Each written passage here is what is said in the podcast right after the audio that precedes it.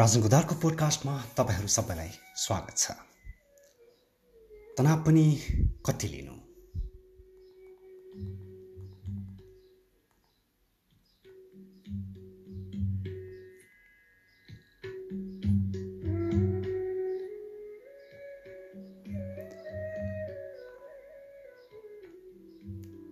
एकैछिन भए पनि रिफ्रेस हुनु स्वास्थ्यका लागि लाभकारी छ।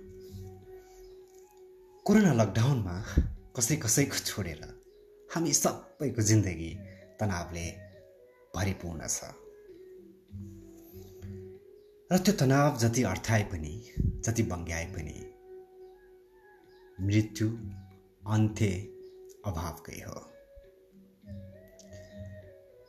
लकडाउनमा जिन्दगीबाट फुर्सदै फुर्सद मिलेको छ। सास अड्कला तर आस जिउँदैछ हामी सबैको जिन्दगीको शीर्षक त्यही त हो प्रिय मृत्यु। त्यही शीर्षकमा नगरकोटीको एउटा कविता छ। हो हो। कुमार नगरकोटीको घाटमाडौँमा छ यो कविता। त्यही सुनाउँछु है। डियर जिन्दगी भन्दैछ प्रिय मृत्यु। सुन्नुहोस् है त।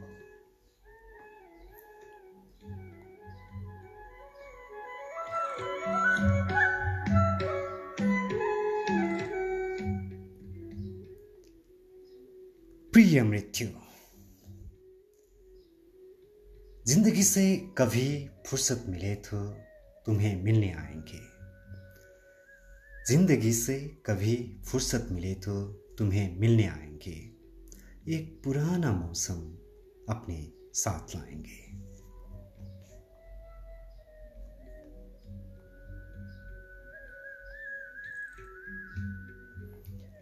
मेरी गीत अभी खत्म नहीं हुई है। मेरी गीत अभी खत्म नहीं हुई है। कुछ लम्हा कुछ लम्हा मेरे साथ रहो। मेरी गीत अभी खत्म नहीं हुई है। कुछ लम्हा मेरे साथ रहो। मेरी आवाज़ तुम्हें घुटन से लगने लगी तो हम अपने ख्वाबों में लौट जाएँगे। मेरी गीत अभी खत्म नहीं हुई है।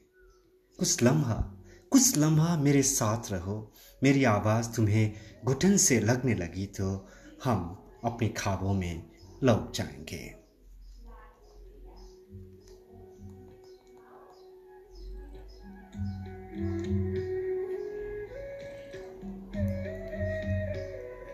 ज़िंदगी से कभी फुर्सत, ज़िंदगी से कभी फुर्सत मिले तो तुम्हें मिलने आएँगे।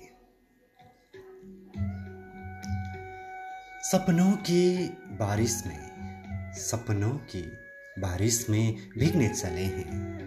कई खूबसूरत यादें सपनों की बारिश में भीगने चले हैं कई खूबसूरत यादें। अपनी ही मन की, अपनी ही मन की कोने में बैठकर मैं, अपनी ही मन की कोने में बैठकर मैं खामोशी से हाँ खामोशी से कुछ बातें कर रहा हूँ। धीरे धीरे आहिस्ता आहिस्ता मर रहा हूँ। प्रिय मृत्यु ज़िंदगी से कभी फुर्सत मिले तो तुम्हें मिलने आएँगे। एक पुराना मौसम अपने साथ लाएँगे।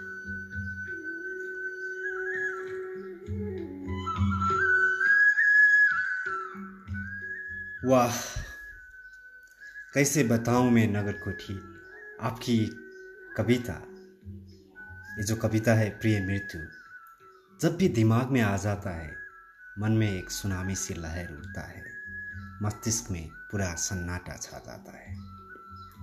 खैर जिन्दगी सुन्दर छ लकडाउनमा पनि जिन्दगी सुन्दर राखिरहन सक्नुहोस् शुभकामना।